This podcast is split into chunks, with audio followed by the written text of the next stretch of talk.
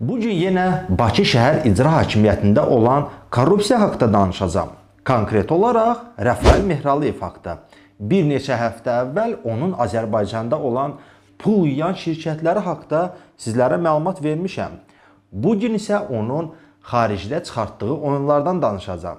Rəfail Mehraliyev Bakı şəhərində mənzil kommunal sektoruna nəzarət etdiyi təkcə 2011-2017-ci illərdə özünün bir ailə şirkəti vasitəsilə 300 milyon manata yaxın dövlət vəsaiti xərcləyib.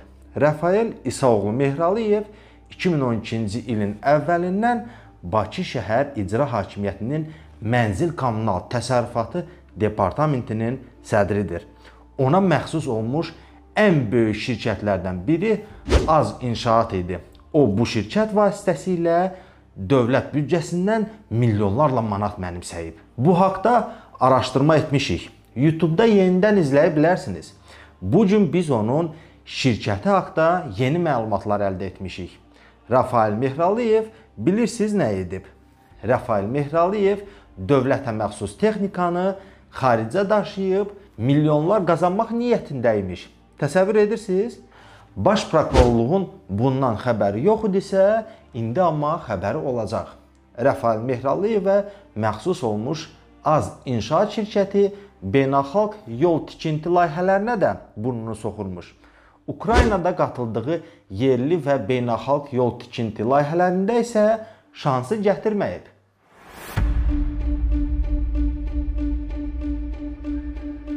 ...2007-ci ilin oktyabrında Az İnşaat MMC Stri Ternopol Kirovoqrad Znamenka avtomobil yolunun 291 332-ci kilometrlik hissəsinin yenidən qurulması və əsaslı təmir işləri üzrə 49 milyon ABŞ dolları məbləğində təklif verib. Amma tenderə buraxılmayıb.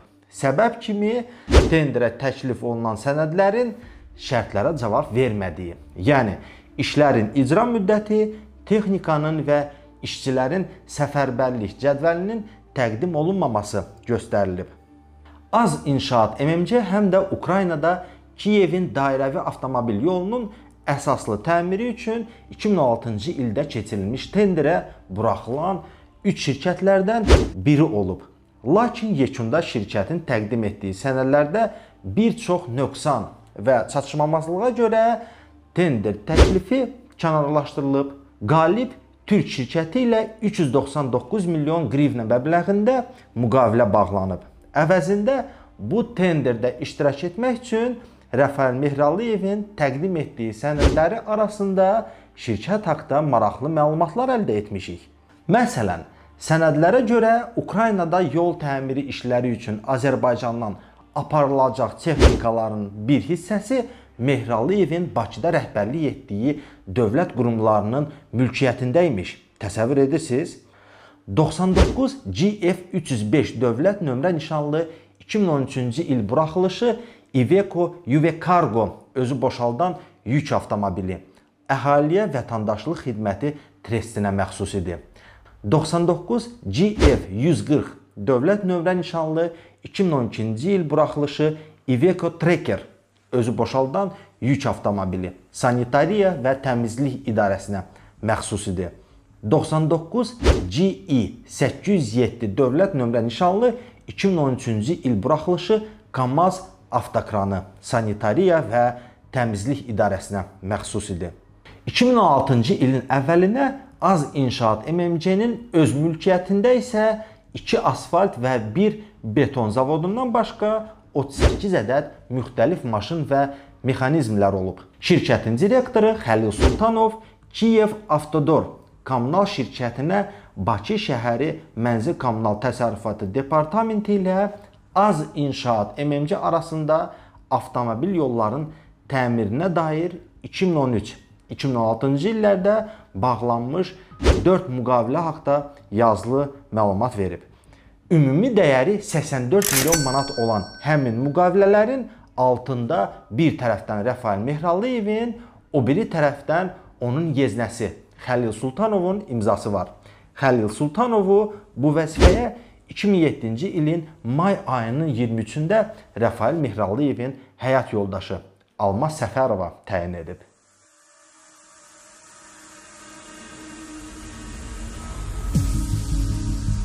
Az İnşaat şirkətinin Gürcüstan nümayəndəliyi də var. Şirkət 2017-ci ilin sentyabrında Çinvali Barisaxo Şatili yolunun 25 32-ci kilometrinədək hissəsinin tikintisi üzrə 5 milyon lari dəyərində müqavilə bağlayıb. Maraqlıdır ki, tender sənədləri açılanda Az İnşaat MMC Dünya Bankının maliyyələşdirdiyi bu layihə üzrə daha yüksək qiymət 6 milyon yarım lari təklif etmişdi. Şirkət həm də bu avtomobil yolunun 16-25-ci kilometrlik hissəsinin də 6 milyon 800 min lariya tikinti müqaviləsini də qazanıb. Rafael Mehralıyevin Az İnşaat şirkəti həm də E60 magistral yolunun Nataxtari Ruisi hissəsində ətraf mühitin yaxşılaşdırılması, yaşıllıqların əkilməsi, əkin işləri, torpaq işləri, bərk tullantılarının daşınması işlərini tender yolu ilə 2016-cı ilin sonu, 2015-ci ilin əvvəlində icra edib. Gürcüstanın Regional İnkişaf və İnfrastruktur Nazirliyinin Avtomobil Yolları Departamenti ilə 2,9 milyon lari dəyərində müqavilə bağlayıb. Sənədlərə görə Az İnşaat MMC-nin Qazaxstanda da törəmə şirkəti var. 2016-cı ilin mayında Nur Sultan şəhərində yaradılan Az İnşaat Qazaxstan MMC-yə Xəqani İsrafiloğlu Mehralıyev rəhbərlik edir. Şirkət burada da yol və avtomagistralların tikinti işləri ilə məşğuldur. Xəqani Mehralıevin özünün Bakıda 2011-ci ildə yaradılan FMX İnşaat MMC şirkəti var. Mətbuat əvvəllər yazırdı ki, Xəqani Rəfail Mehralıevin əmisi oğludur və o Bakı şəhərində küçələrə asfalt çəkilişinə rəhbərlik edən şəxslərdən biridir. Hazırda Az İnşaat MMC-yə Vahid İdrisoğlu Muradov rəhbərlik edir. Bu o deməkdir ki, şirkət Rəfail Mehralıyevin əlindən alınıb. Keçən araşdırmada dediyim kimi, Bakı şəhəri Mənzil Kommunal Təsərrüfatı Departamentinə Rəfail Mehralıyev rəhbərlik etməsinə baxmayaraq, artıq onun erası bitib. Şirkətini əldən verib, böyük pulları bölüşdürsə də, daha onlara əli çatmır. Biz öz sözümüzü dedik. Son sözü yenə də baş prokurorluq deyəcək. Sağ olun.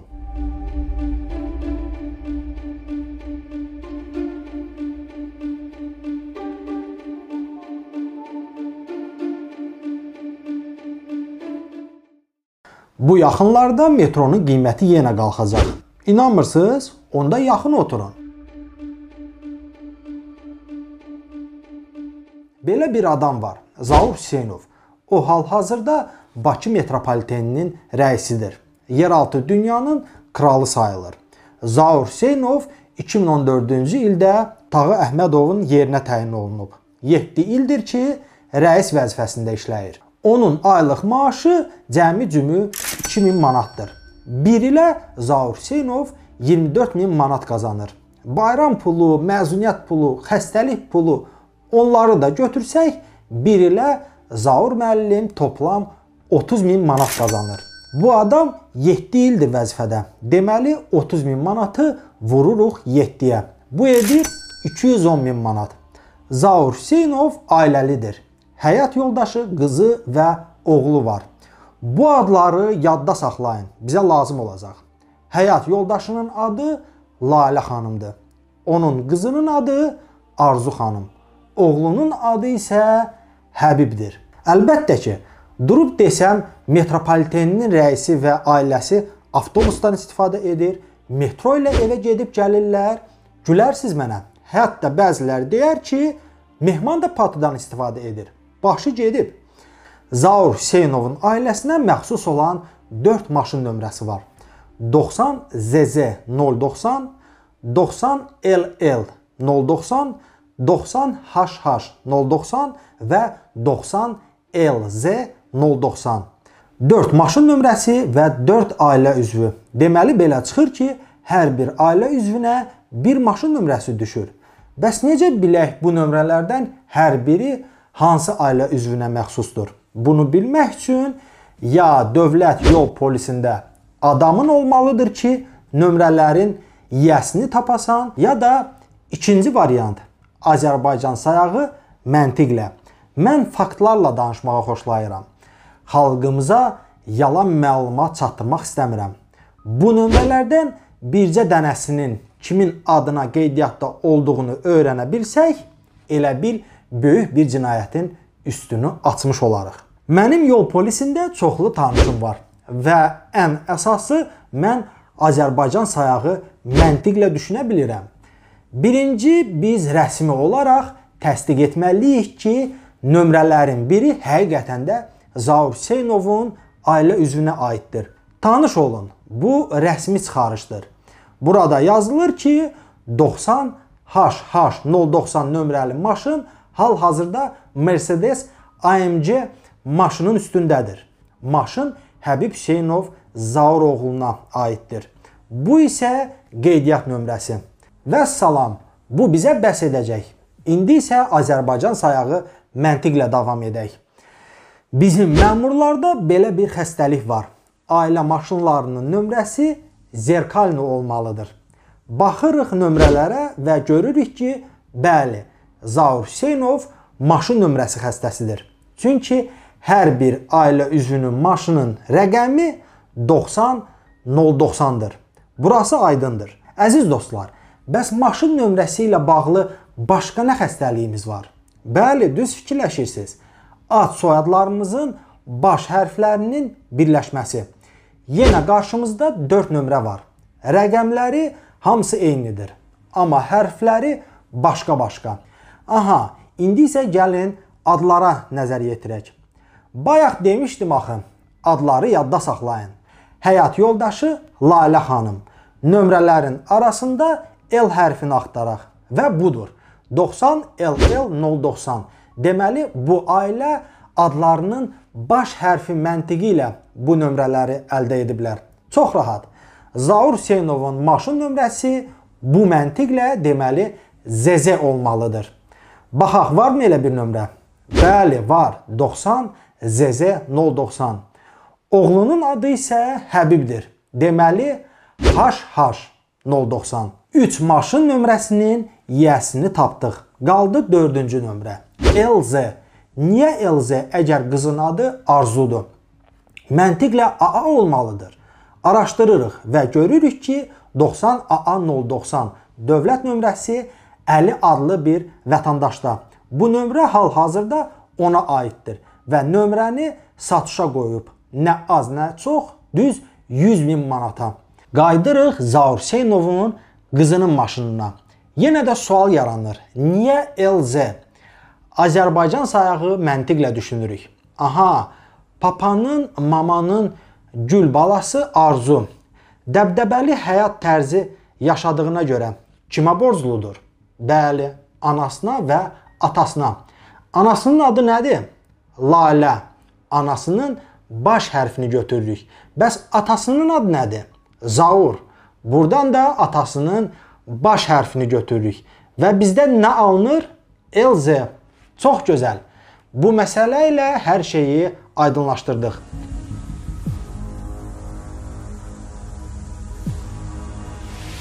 Bu ailə maşın nömrəsi xəstələridirsə, deməli bu ailənin başqa nə xəstəliyi ola bilər? Yenə də düz fikirləşirsiniz.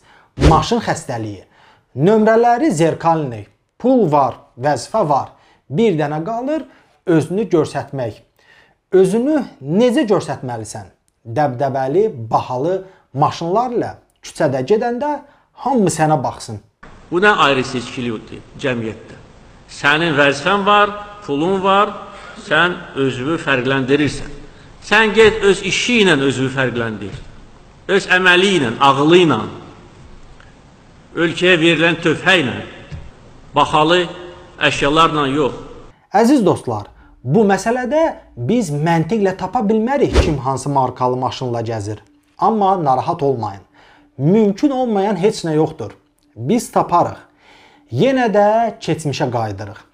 Neçənci ildə Zaur Hüseynov vəzifəyə təyin olundu? Bəli, 2014-cü il. Gedək onda 2014-cü ilə. Bizə sadəcə bir ipucu lazımdır ki, bütün bu araşdırmanı edə bilək.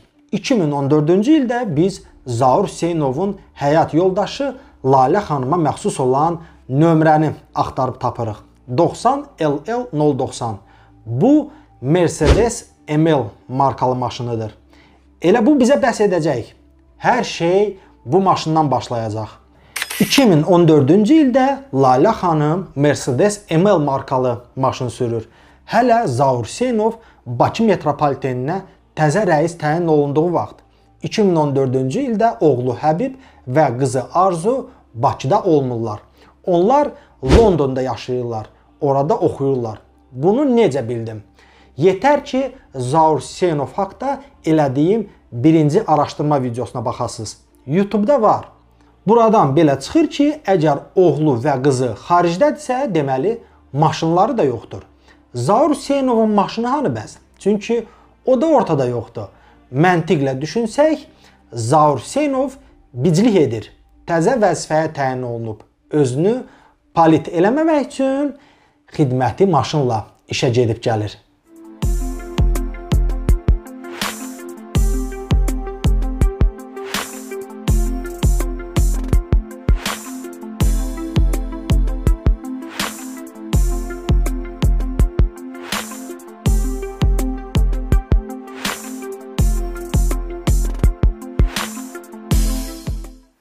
...2015-ci il yenə Lalə xanımın maşınını axtarışa verdik. Məntiqlə belə olmalı idi ki, 2015-ci ildə də bu xanım həmin Mercedes ML markalı maşın ilə gəzməli idi. Amma yox, məni təəccübləndirə bilir. 90 LL 090 dövlət nömrəsi artıq Porsche Cayenne markalı maşındadır. 1 il Zaur Hüseynov vəzifədə artıq həyat yoldaşı maşın dəyişir. Sağ ol səni Zaur. Təzə Porsche Cayenne markalı maşının qiyməti 2015-ci ildə 100 min manat idi. Təzəsini hər halda alanlar da gedib maşın bazarında 3-cü və ya 4-cü əldən maşın alası deyirlər ki, Zaur Hüseynov 1 ilə nə qədər maaş qazanır? 30 min. Həyat yoldaşının maşının qiyməti isə 100 min. Heç nə. Lənət sənə kör şeytan deyib keçirəm.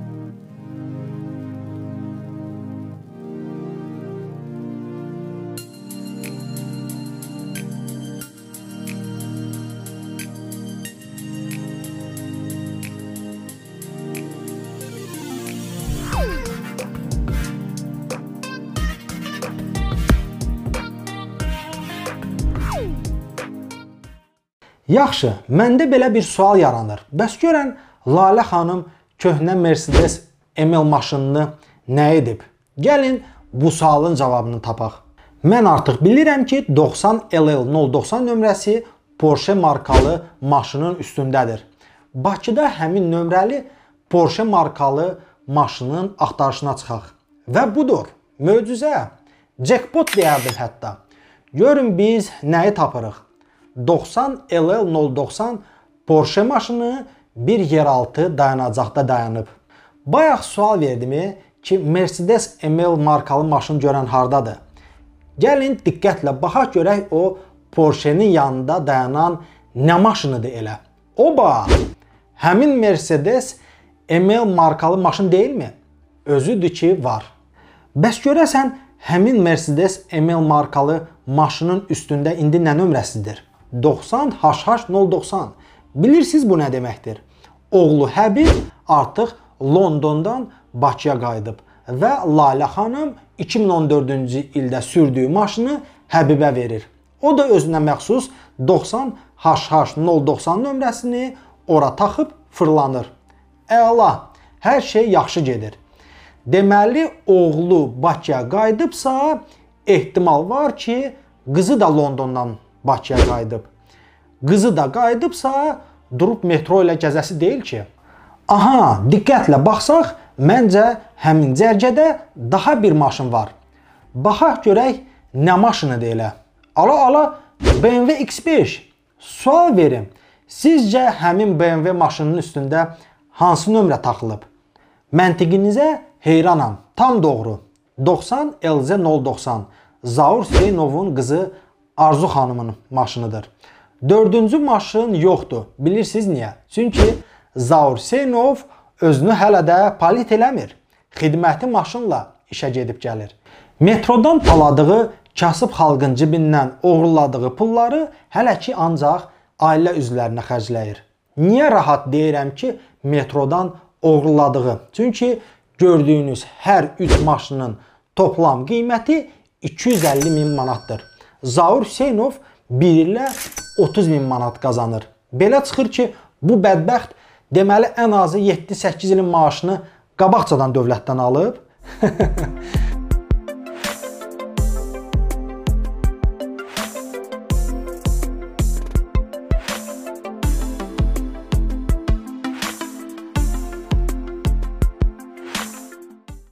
Artıq hər 3 maşın var və yiyələrini bilirik. Məntiqi yenə qoşuruq. Həbib Londondan gəlib və anası deyir ki, oğlum, özümə təzə Porsche maşını almışam. Gəl hələ ki mənim köhnə Mercedesimi sür. Ağıllı bala ol. Papan da biraz oğurlasın, sənə də maşın alarıq. Bu məntiqlə Hüseynovlar ailəsində növbəti kimdə maşın dəyişilməli idi? Bəli, Həbibdə.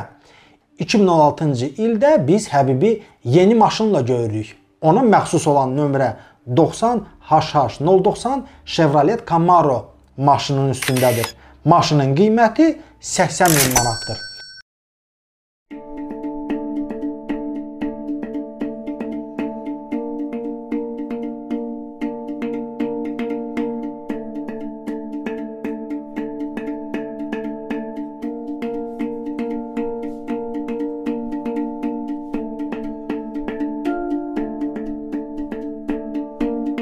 ...2018-ci il Bakı havalar gözəl keçir və metronun qiyməti qalxır.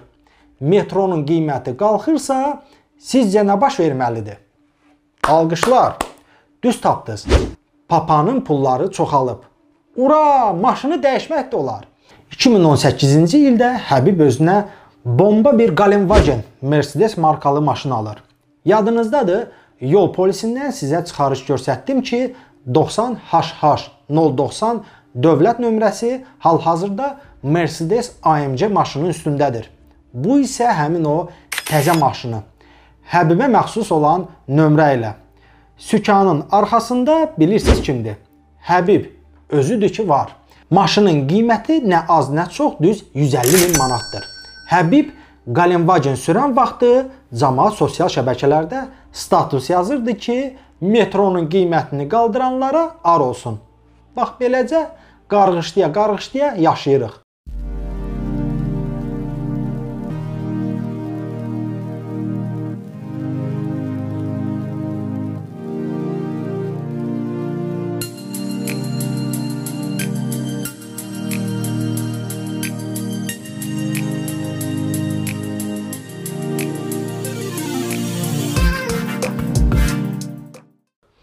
...2019-cu il.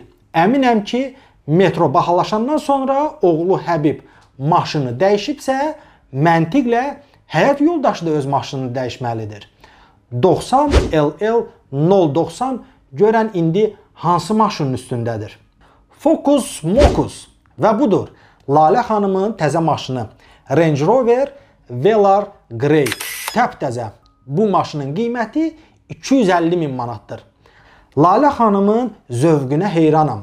Bilir də nə almaq lazımdır. Lalə xanım 250 minlik maşında, oğlu isə 150 minlik maşında. Bu o deməkdir ki, Zaur Hüseynov artıq metronun büdcəsini dağıtmır ha. Metronun büdcəsinin anasını ağladır. Anasını.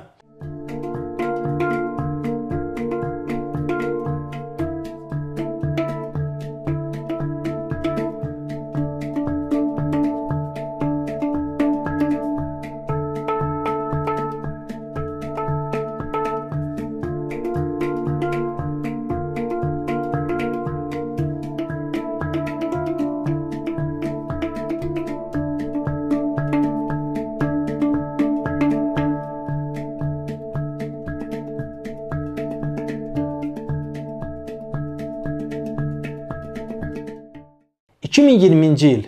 Sizcə kimin maşınını axtarıb tapıram? Bəli, qızı Arzunun.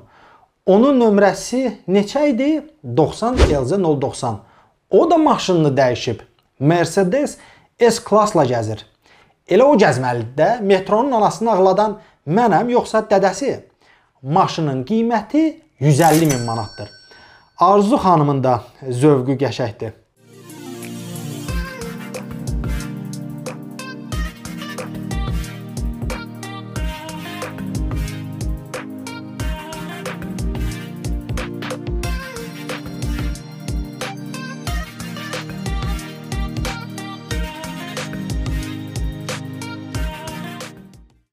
Əziz dostlar, və nəhayət 2021-ci il bu qədər həyasızlıq, bu qədər acgözlük, bu qədər qudurğanlıq mən ilk dəfədir görürəm. Zaur Hüseynovun həyat yoldaşı 2019-cu ildə təptəzə Range Rover Velar Grey sürürdüsə, 2021-ci ildə artıq o maşınını bəyənmir və nə edir? Maşınını dəyişir. Porsche Cayenne Turbo S hibrid alıb. Qiyməti 300 min manat. Bu maşının möhtəşəmliyinə bir baxın. Mənim, sənin, bizim, ay Azərbaycan xalqı sənin pulların hesabına alınıb.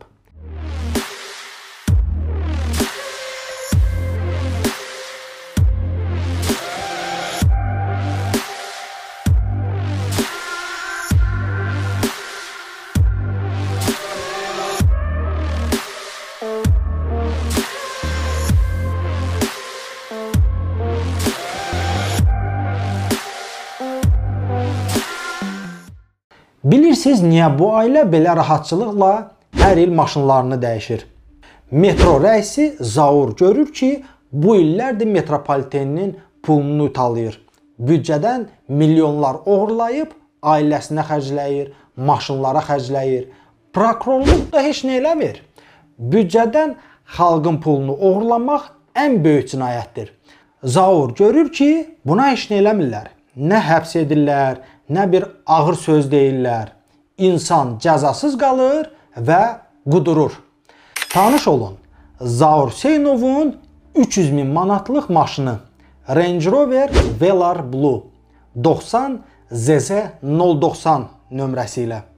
Zaurun maşını həyat yoldaşının maşını ilə yan-yana dayanır. Maşına bir baxın, necə gözəldir. Bəli, bu maşını da biz Azərbaycan xalqı olaraq birləşib Zaur müəllimi almışıq.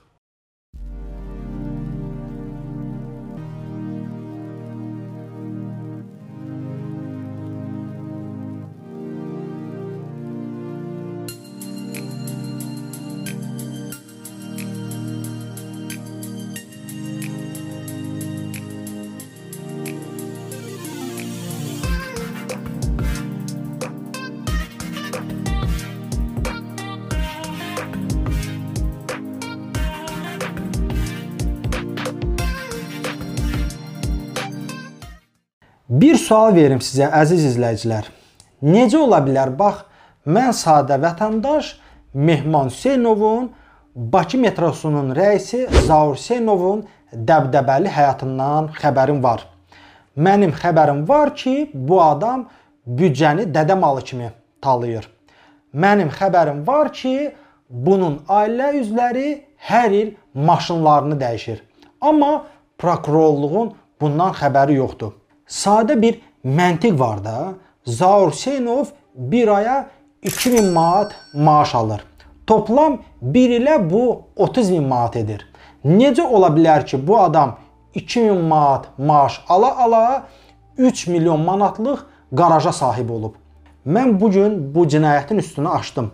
Dedim ki, sizlərin də prokurorluğun da xəbəri olsun. Hamınızdan indidən üzr istəyirəm. Bu yaxınlarda ola bilsin ki, metronun qiymətini yenə qaldırdılar. İndidən deyim ki, bunun günahkarı mənəm. Məni bağışlayasınız. Arada söylən mən olacağam, kef edən isə Zaur Hüseynov. Sağ olun. Vəzifəli şəxslərin uşaqları qudurqanlıq edirlər. Kim onlara bu statusu verib cəmiyyətdə? Onların necə deyərlər, güvəndiyi adamları mən təyin eləmişəm vəzifəyə. Mən də çıxardacağam lazım bildikdə. Və əgər bir də bilsəm ki, kiminsə ailə üzvü hardasa xuliqanlıq eləyir, nadanlıq eləyir, özünü apara bilmir, o adam həbs ediləcək, atası işdən qovulacaqdır.